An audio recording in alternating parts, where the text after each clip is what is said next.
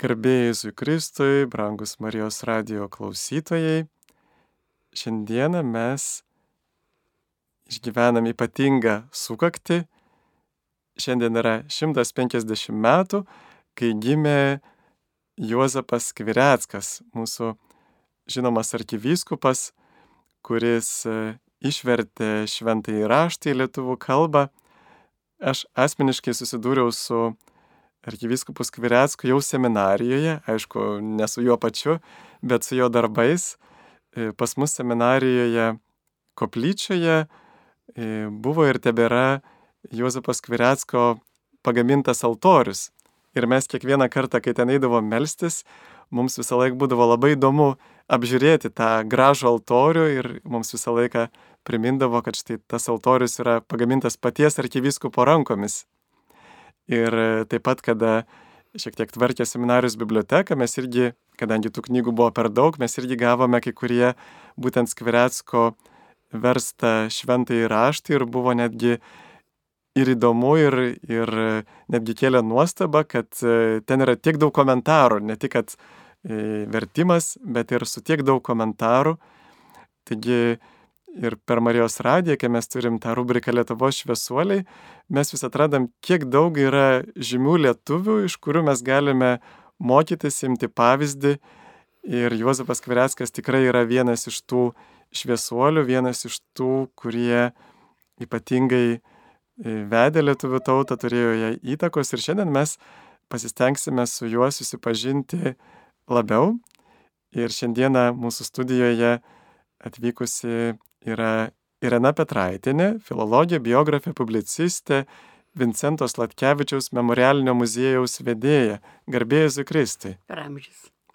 Labai ačiū, kad sutikote ateiti ir papasakoti apie šį iškilų lietuvį, arkivyskupą, dvasininką, iš kur jisai turėjo tiek daug e, meilės Dievui ir tėviniai, turbūt tai jau paveldėjo iš savo šeimos auklėjimo. Taip, kunigė. Aš su didžiu malonumu, su atsakomybė noriu prisiliesti prie šitos asmenybės. Aš labai ją žaviuosi. Ir ne tik juo, bet ir jo amžiaus lietuviais, kurie persekiojami carizmų, žandarų, nešė lietuvišką žodį, jie lietuvybę, katalikybę. Ir šitoje aplinkoje, pas pasvalio rajone, su Kivarenskų šeimos pirmagimis Juozas, kuris save Juze vadino, matydavo, kaip jo tėvas su kaimynu Vincentu Vileišiu platina lietuviškas knygas. Dvasininkas arkivyskupas Kvireckas ir žinomi Vileišiai istorijoje, jie buvo vieno gal ne kaimo kaiminystėje ir jie tėvams padėdavo. Ir, ir žinau, kad tarpusavį kalbėdavosi, kai mes baigsim gimnazijas, kai tapsime lietuviais vyrais, kovosime už Lietuvą, už kultūrą. Juozapas Tai bevelijos galvojo, netgi pritarė Jonui Vileišiui, kad jie kartu važiuos į Peterburgą, studijuos vienas finansus, kitas techninę kūrybą, bet Dievo planai buvo kiti baigęs Panevižių realinę gimnaziją, kurioje kapelionas buvo Kaune, Lietuvoje labai gerai žinomas ir gerbiamas kuningas Aleksandras Dramrauskas, Adomas Jakštas, jau tada įžiūrėjęs to jaunų vaikinų plačią skalę, viską jis mokėjo, vis, ir matematiką. Ir, o ir visas tas kalbas, kurias vėliau, sakoma, jis mokėjo kiek jis kalbų mokėjo ateidamas, e, pavyzdžiui, į seminariją? Į seminariją jis atėjo iš panevižio, lietuviškai šnekėjo ir rusiškai, todėl, kad buvo rusiškos mokyklos. Ir viskas. Ir viskas. Ir visi istorikai tą pažymė, ypatingai Ladas Tulaba šventraščio irgi žinovas ir kiti, kad jisai ne, nepaprastai greitai išmoko lenkiškai, būtinai reikėjo, nes lenkų. Biblinės kalbas, paskui prancūzų gerai valdė, italų, vokiečių.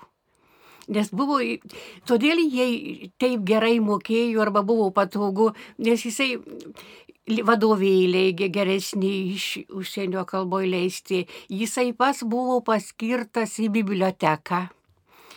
Ir tas jo darbštumas, užsispyrimas, tai irgi talentas. Šitaip sugebėti save organizuoti, šitaip nuo viso pasaulio. Jisai niekad ne, nebuvo reskas draugijų žmonius vienišius, kaip rašė jo sekretorius Jam gyvenimas knygos, darbas, vertimai, o jeigu pavarksta, tai fleituoja, fisharmoniją išardo ir vėl sudeda. Tai buvo pasiaukojęs šitam reikalui nuo pat jaunystės. O kokia buvo lietuvių dvasininkų situacija tuometinėje carinėje Rusijoje? Ar jie leisdavo jiems taip jau laisvai reikštis, ar Tai būtent ir buvo tas laikotarpis, kai buvo uždrausta lietuvių kalba, kai katalikybė persekiojama ir už tai motiejus valančius rašė sielavartai bažnyčios, maskoliai mus nori atversti į stačiatikius. Tai iš tiesų buvo priespauda, dvasinė priespauda. Dėl to ir reikėjo lietuviškas gyvas platinti ir reikėjo tuos jaunuolius į katalikybę ir, ir kovingą katalikybę katalikybę. Tai e, dabar norėčiau sugrįžti prie Žemaičių kunigų seminarijos, kuri iš tiesų, kaip dabar suprantu, jau pasidomėjusi istorija, buvo tam tikra tų lietuvių dvasininkų patriotų išsilavinusių, stiprių, gražių Lietuvos vyrų, dvasininkų, tiesiog ne tik tu sakyti žodis kalvi, bet ko gero gal ir tiktų už tai, kad jie daug reikalavo vienas iš kito. Jie vienas kitą. Tas laikotarpis e, aktualus ir šiandien, kad tuo metu klierikai, jie vienas kitą skatino, kad tu gali padaryti, tu geriau už mane padarysi. Jūze tu, sakė, tom, jo, Jozas Tumas Vaižgatas, kas net, jeigu ne tu. Ir aišku. O kokia buvo įtaka va šitų žymių dvasininkų intelektualų, jūs jau minėjote ir Vaižgantas, paragindavo taip ir turbūt tuo metu buvo ir Maironis, ir Valančius, ir Jakštas, ir kiti, jie turbūt irgi kažkokią įtaką turėjo Skvireckui. Tai būtent, kad jie buvo tiesiog vienas branduolys, viena komanda. Tai ir rašo Skvireckas, kad, kad dviejus klerikavimo metus dar pamačiau tą caro Aleksandro III žiaurumą ir tą persekiojimą. Ir dar buvo dėstytojų, kurie lietuvamanų labai ne, nemylėjo. Visa atgaiva buvo dėstytojas Jonas Mačiulis Maironis. Jis rašo, tai buvo milžiniškas poveikis šitiems atvykusiems iš aukštaitijos, žemaitijos ar kitų kraštų. Ta jo graži kalba, jo, jo kūriniai, jie skaitė istoriją, skaitė poemą, labai garsią poemą apie jauną kunigą, apie šitą laikotarpį ir jie nežinojo, kad tai Maironio, o kai sužinojo, tai jiem buvo toks autoritetas, jis dar nelabai daug ir už juos vyresnis. Ir, ir tas jo intelektas, ir, ir supratimas, ir, ir, ir sugebėjimas, ir paprastumas kartu, kai atėjo žinia, kad Maironį kelia į Sankt Peterburgų imperatoriškąją dvasinę akademiją profesoriauti, tai jisai atėjo išbučiavo visus, apkabino, kas tai buvo irgi, taip žinot, dvasininkijoje, bet tai buvo tokia sielo giminystė ir visiems pasakė, kad kiekvieną parems, padės ir pasiūlė, nenuleisti rankų eiti tais keliais, kuriuos būtent va čia ta versmė ir buvo Žemaičių kunigų seminarija. Žemaičių kunigų seminarijos senas sodas, kur jie slapta tarpusavyje kalbėdavosi ir, ir kaip Juozas Tumas Vaižgantas, kursinis Juozapo Skvirecko, einam Jūzę pasikalbėti, tik niekam nesakyk, mes esame įkūrę Švento Kazimiero slaptą draugiją Ir mūsų tikslas - katalikybę, lietuvybę, kelti, ją puoselėti ir vesti. Ir tada jie pradėjo rašyti straipsnius, ją apžvalgą. Ir, ir, ir tada gimė mintis, kad kaip mes lietuviai neturime savo lietuviško švento rašto. Ir sužiūro visi, kaip jisai rašo, į mane jūzę, tugi viską tu daug kal, ir kalbas moki, tu ir sugebi. Ir pastebėjau, kad Jozapas Kvireckas per švento rašto paskaitas, kurias dėstė prelatas Felicijonas Gaspartos Cirtautas, labai reiškėsi visą galvą aukštesnis buvo tomis žiniomis ir jomis jisai sirgo ir domėjosi ir už tai visi žiūrėjo, kas kitas, jeigu ne tu, Juozapai. Juk tu jau, jau angažuojasi. Tai Tai, tai čia būtent va toj senojoj seminarijoje. O kas dar buvo bandęs tuo metu versti šventąjį raštą į lietuvių kalbą? Nes atrodo, kad e, ilgus šimmečius nebuvo to tokio jau gero galutinio vertimo. Taip. XVI amžiuje žinome, kad Mikalojus Daukša išvertė iš lenkų kalbos postilė vadinasi. Bet tai nebuvo visas šventas raštas, tai buvo tam tikri skyriai, bet tai vis tiek lietuviškai išvertė.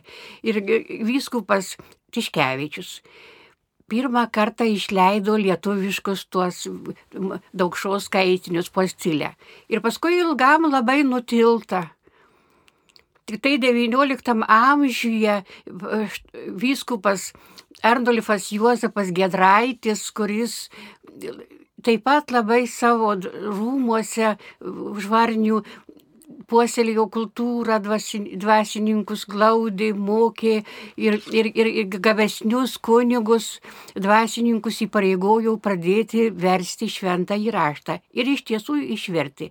Ir kaip sako jo labai kritiškas Adomas Jakštas, visai pusėtinai kai kurios vietos, bet nepilna ir be komentarų, nu ir tokį pradžiai, pradžiai neblogai, bet jau neišleido.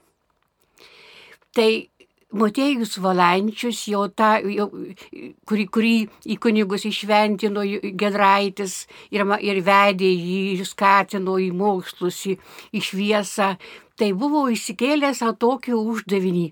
Aš pabaigsiu savo mylimo vyskupo Gedraičio darbą aš išversiu. Ir jisai ir literatūrinių gabumų turėjo, ir tą visi matė, kad jam matė, ko, ko, ko reiktų, bet iš tiesų tai viskupų didžiajam žemaičių viskupų buvo neįmanoma vien dėl to, kad jis pasiaukojo tiems mužikėlėms, kad jie nieko nesupranta, kas ir, ir rašė straipsnius apie šventuosius, apie Mariją, apie, apie tuos dalykus, kad jie bent nuo šiek tiek suprastų, kas tai. Ir tai buvo iš tiesų daug svarbiau, kad dar jisai spės.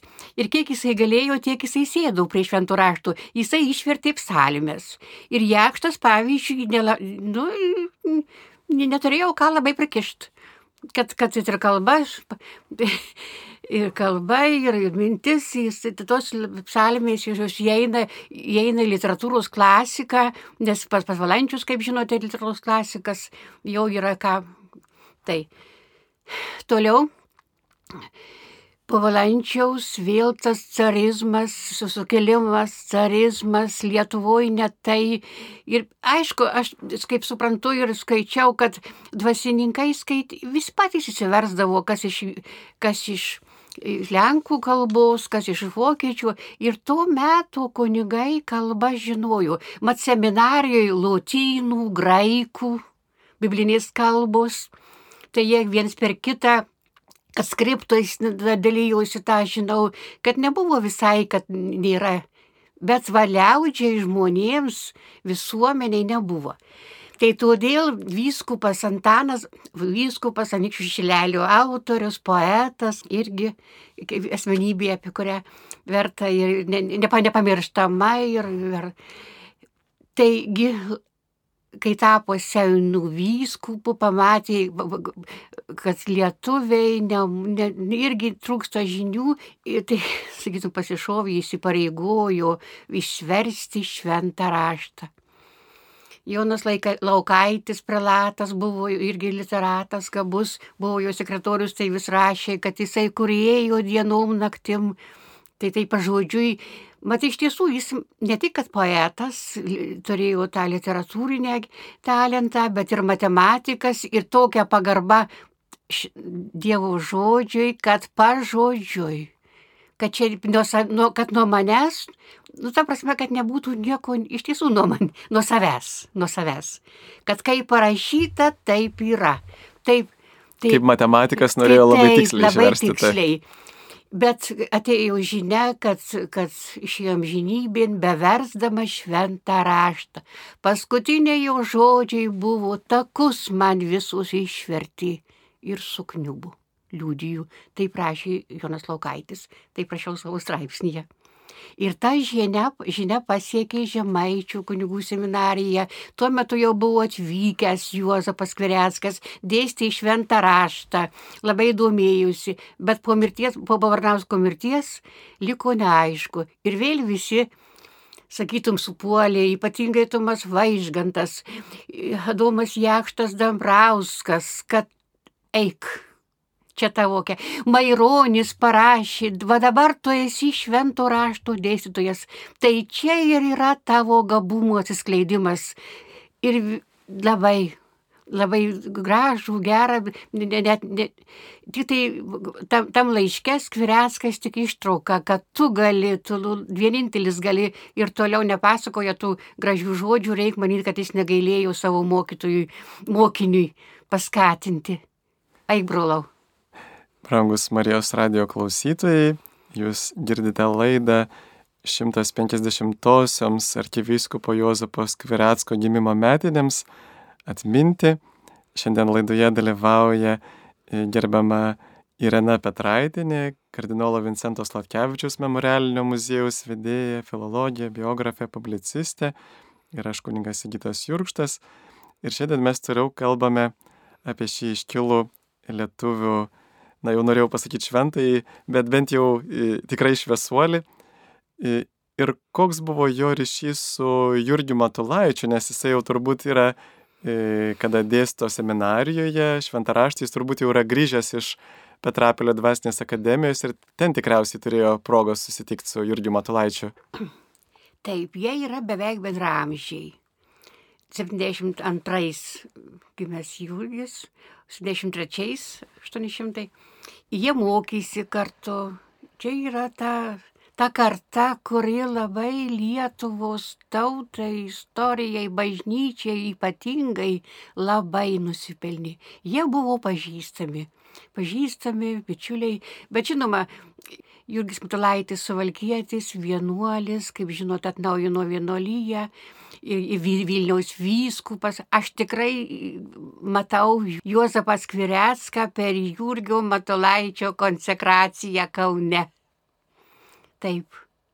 18 metais Pranciškus Karevičius čia Kaune gruodžio 1-8 dieną išventino į Vilniaus vyskupus ir Kauno klerikai be abejo gėdojo ir Juozapas Kvireckas jau buvo profesorius, oho, ir jau buvo išleidęs ne vieną švento rašto sąsiuvinį.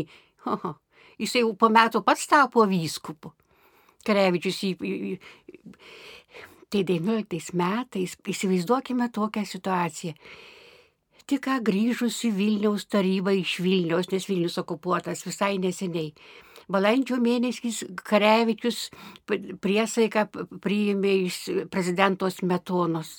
Liepos mėnesį pirmą kartą laikinojoje sostinėje vyskupo konsekracija. Ir jau ateina oficiali Lietuvos valdžia, taryba, prezidentai, šviesuoliai tuo metu va, ir dalyvauja šitoj konsekracijui. Ir paskui už, už po, po metų, kai buvo atidarytas Lietuvos Seimas, tai Karevičius įpareigojo savo auxiliarą Juozapą Skvirecką mišes aukoti, pasakyti prakalbą ir štai ką pasakė Juozapas. Cituoju tai beveik iš atminties. Jūs galingi savo įstatymais, jūs galingi savo galiomis, jūs galingi, bet būsite dar galingesni, kai jūs palaimins tikrasis jūsų vadovas viešpats Jėzus Kristus. O grįžtant prie e, šventojo rašto vertimo, jis turbūt užtruko ne vienerius metus, ar ne, kiek jisai vertė šventąjį raštą? Tai tikrai daugiau kaip 30 metų. Oho. Taip, todėl, kad, kad buvo profesorius, kaip rašė jo mokinys Mykolas Vaitkus, tai buvo įsimiręs, įsimiręs labai gražodis, senoviškas.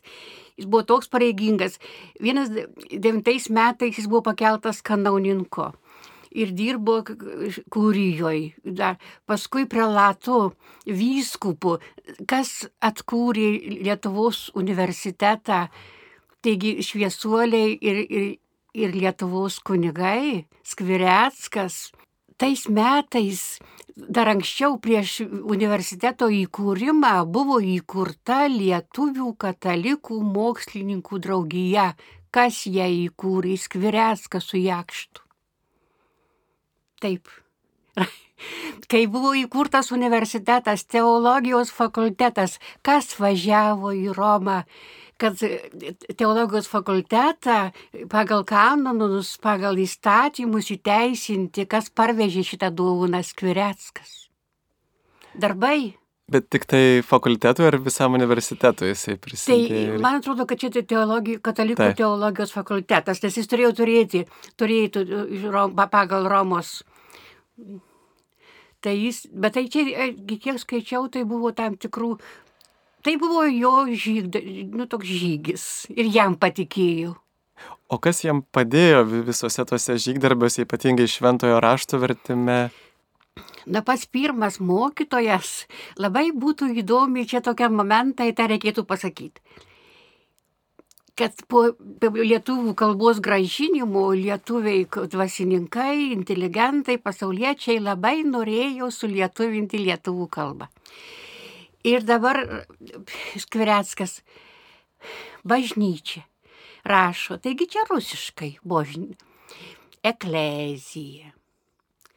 Dabar Ai, tai reiškia, Skvirackas siūlė bažnyčią vadinti ir, graikiškai ekleziją. Taip. taip. Ir jie su, su, su Damrausko Adomu Jakštu susirašinėjo kiekvienam žingsnyje. Angelas. Vėl čia labai slaviška, o kolėl negali būti angelas? Kankinys, martyras. Tai jie vis ginčydavosi, išnekėdavosi, nu, bet jis, bet jis vis vis sakydavo, jūsų žodis paskutinis. Dabar dar buvo toksai ginčas dėl žodžio. Tai anais laikais šventą paną Mariją, švent, nu, tai taip buvo kreipiamas į mergelę Mariją.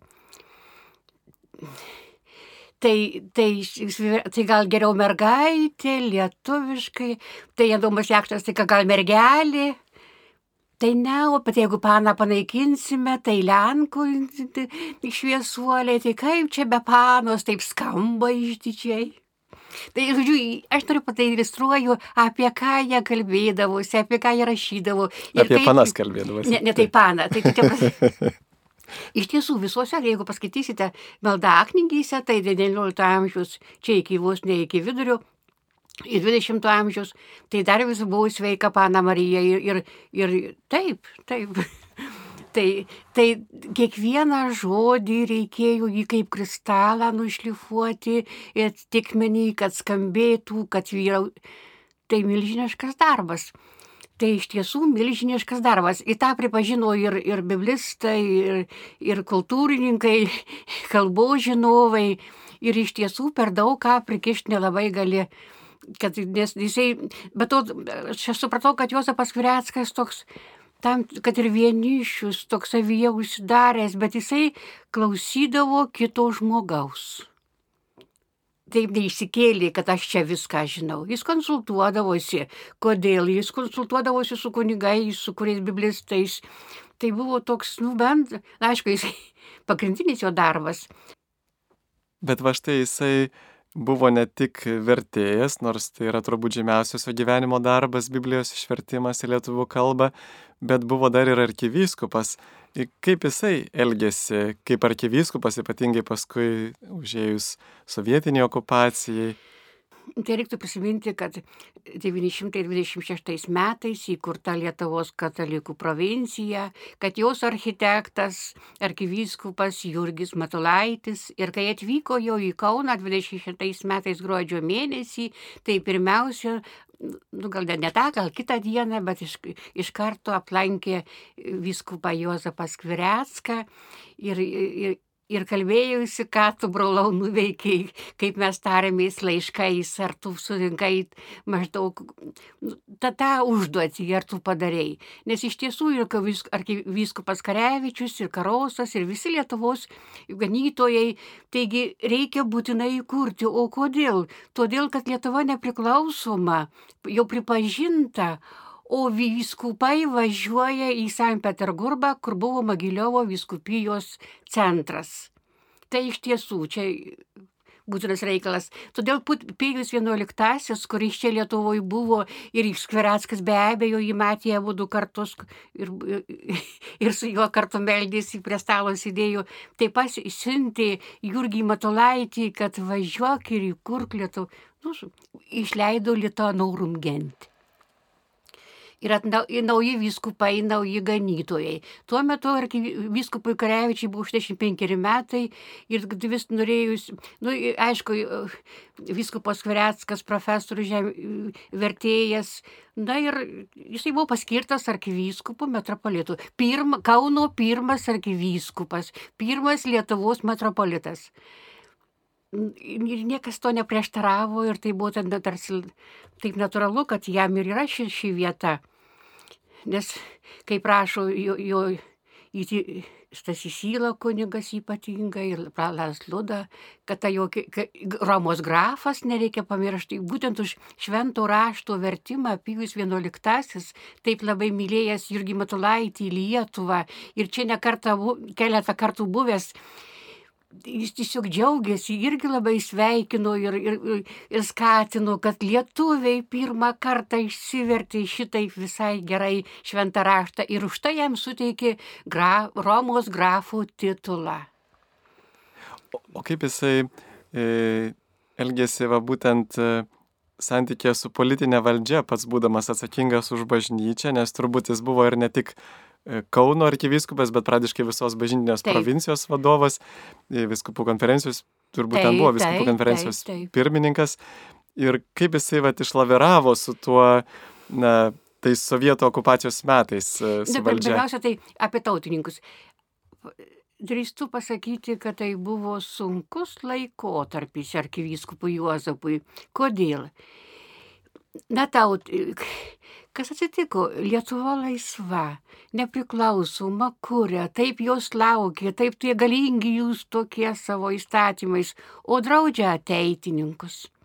Varžok draugijas.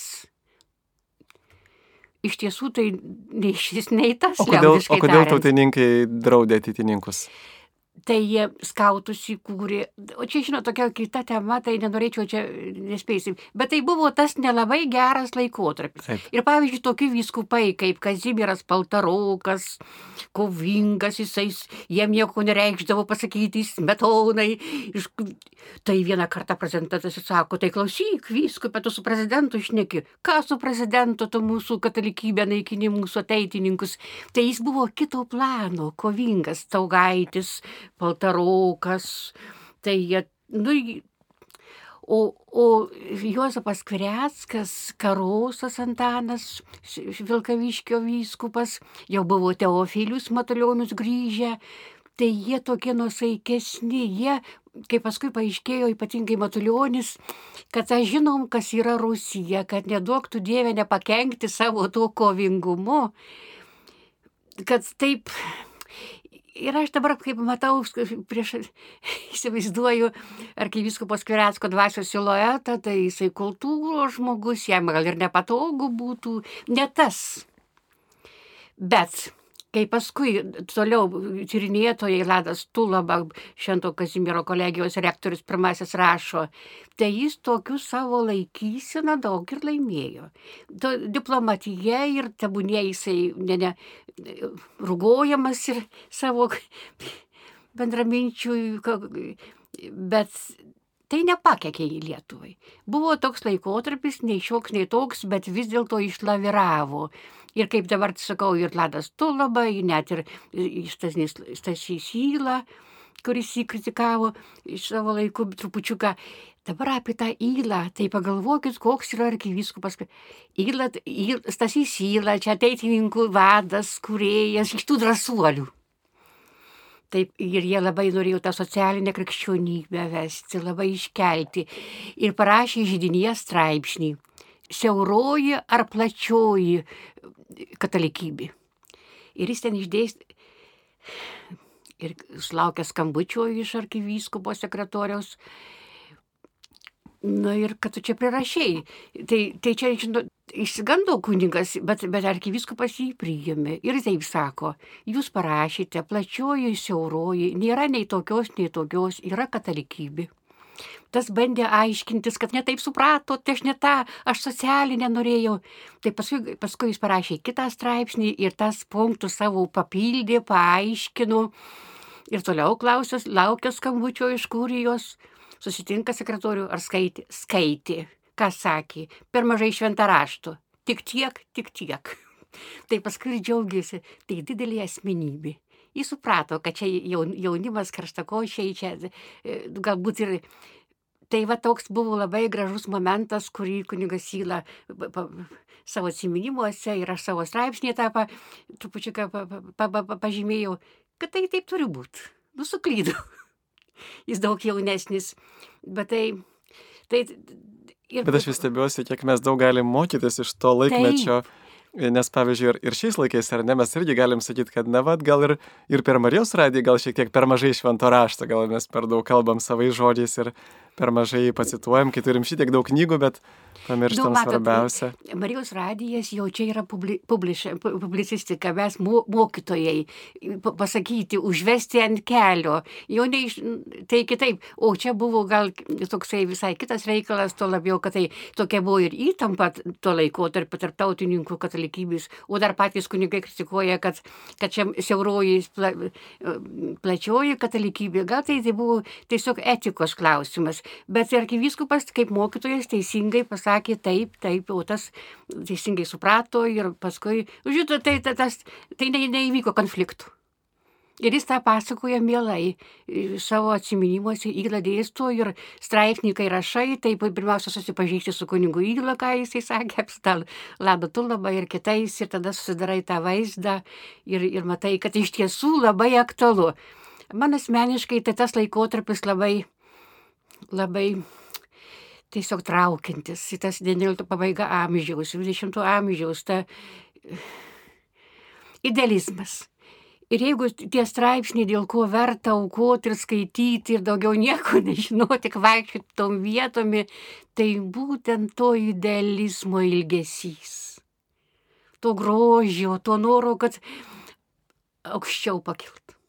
Kad jų... Taip, jie man mokytojai. O kas Vereskas e, veikdavo laisvalaikiu? Jau mes atrodo užsiminėm, kad jisai pagal savo vardą kažkaip linko sekti šventą Juozapą, taip. Taip, jisai. Tai, tai buvo jo, jo atgaiva, kai nuovargis, ar prie rašomo stalo, ar... Visokios... Nes jis dirbdavo tai labai ilgai ir nelabai taip, daug. Taip, ir problemos kokios čia e, bažnytinėme gyvenime, politinėme nuovargis, suprantama, tai jo atgaiva buvo nestakliais, bet jis gamindavo savo pats baldus.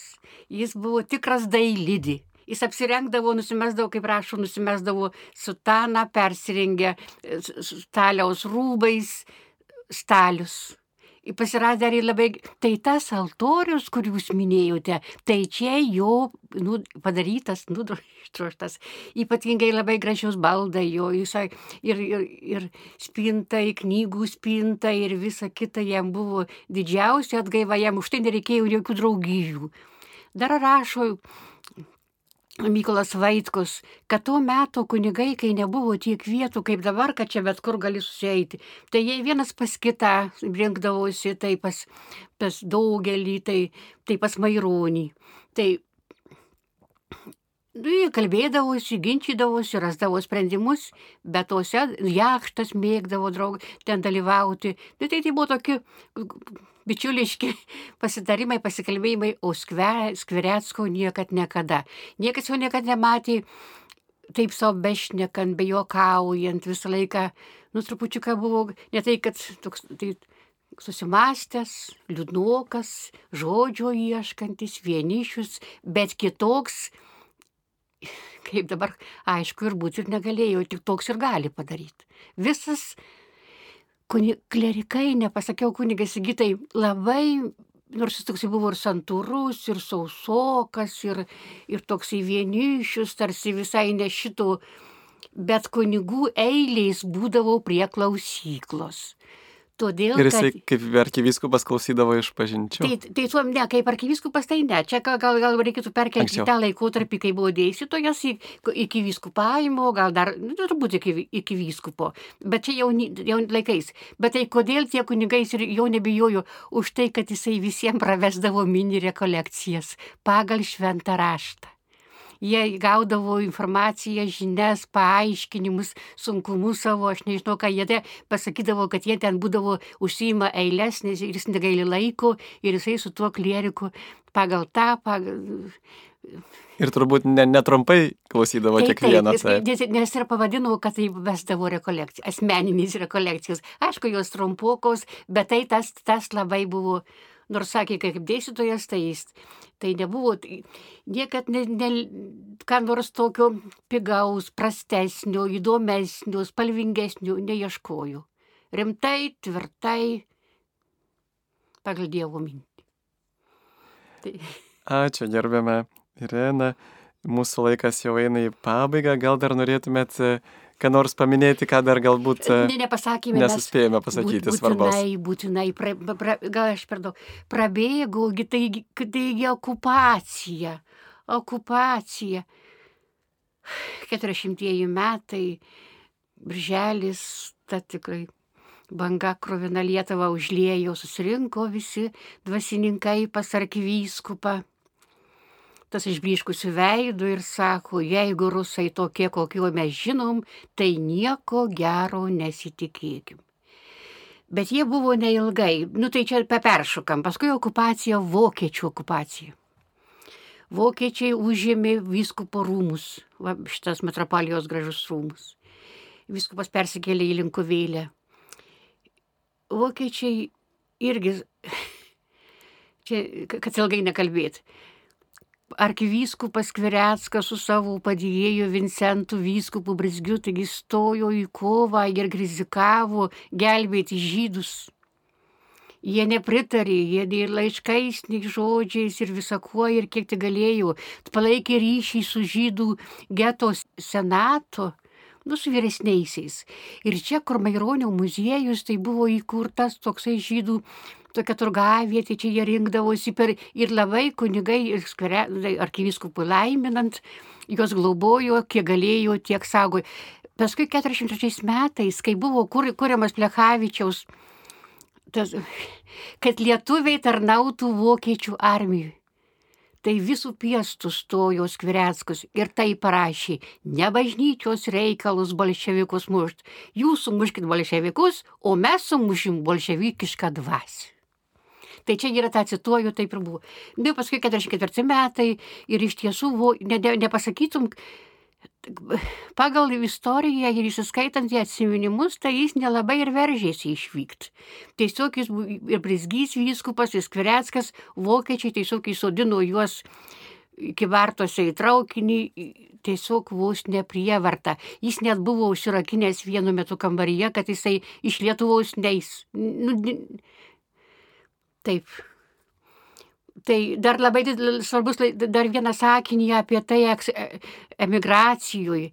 51 metais, kai 25 metai buvo provincijai, tai buvo pas popiežių Pijų 12 į, į paukojo Lietuvą, ten vėl Lietuvą švenčiausiai mergeliai Marijai. Įkūrė Švento Kazimiero kolegiją Romoje, paukojo savo santaupas, leido vėl šventą raštą tremtiniams, už, už emigrantams ir visiems kitiems. Ir visą laiką vis žiūrėjo į Lietuvą. Labai parašė tokį gražų, davė interviu draugui ir parašė, tai kaip jis sakė, nėra dienos, kad Lietuvos neplankyčiau, ten mano dieceziziečiai, kaip jis rašo, ten mano mylimas senutė katedra ir jau visai senatvėje, taip, paskui jau čia stalinizmo laikų, tarp 51-52 metais, tai susisiekė su, su, su kanauninku Juozapu Stankevičium valdytoju ir, ir rašydė, nu ten grinai reikal, ir prašė, ar tu negalėtum, ar jūs sužinoti, kad mane po mirties leis ar neleis mano, mano palaikus parvežti bet tuo metu valdžia neleido. Tik tai va, šiemet sukanka 35 metai, kai 98 metais arkivyskupas trečias kanoniškai Sigitas Tamkevičius dėjo visas pastangas ir parvežė, labai gražiai palaidojo kriptoje šalia.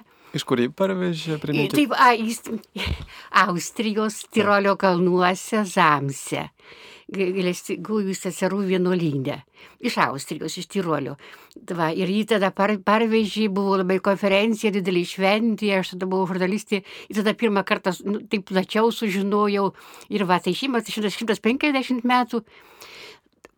Aš galvočiau, kad reikėtų pasakyti žmonėms tokį pirmas arkivyskupas, o kuris antras? Vincentas Latkevičius.